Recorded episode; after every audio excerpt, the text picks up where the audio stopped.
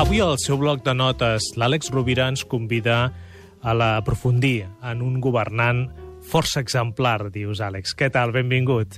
Molt bé, Gaspar, moltes gràcies. Marc Aureli. Marc Aureli. Amb els temps que estem vivint i amb tots els casos de corrupció, pensava que seria interessant recuperar el pensament d'un emperador que se'l va anomenar en el seu moment el savi o el filòsof.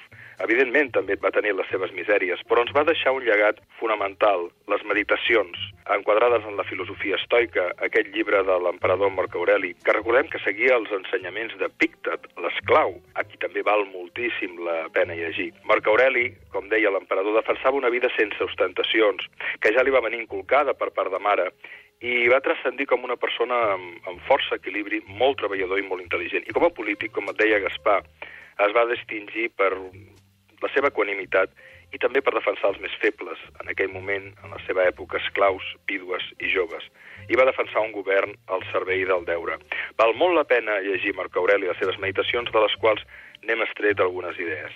Deia el savi, emperador, la vida d'un home és el que els seus pensaments fan d'aquesta, és a dir, som el que pensem. La dolçor, afegia, quan és sincera, és una força invencible. També deia Marc Aureli, la perfecció dels costums consisteix a viure cada dia com si fos l'últim. Afegia aquest home savi, no malgastis el que et queda de vida conjecturant sobre els altres, tret que busquis un bé comú, perquè imaginar què poden estar fent i per què, què estan pensant i què planeguen, t'atordeix i t'allunya de la teva guia interior. I acabaria amb aquesta, que és molt interessant, molt bonica, parlant de la col·laboració, de la cooperació.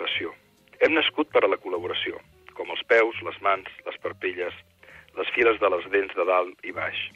Entrar en conflicte els uns amb els altres és contrari a la naturalesa. Que bonic, que bonic. A més, és molt eloqüent i molt poètic. Sí, una visió, ara se'n diria en això una visió sistèmica, però a ell no li calia aquesta paraula. Era un home carregat de sentit comú. Els oients que vulguin aprofundir-hi poden entrar al web de l'Àlex Rovira, on hi té posts eh, darrerament de Marc Aureli, també de Bertran Russell, del qual parlava la setmana passada, o també el podeu seguir a Facebook si encara no ho feu.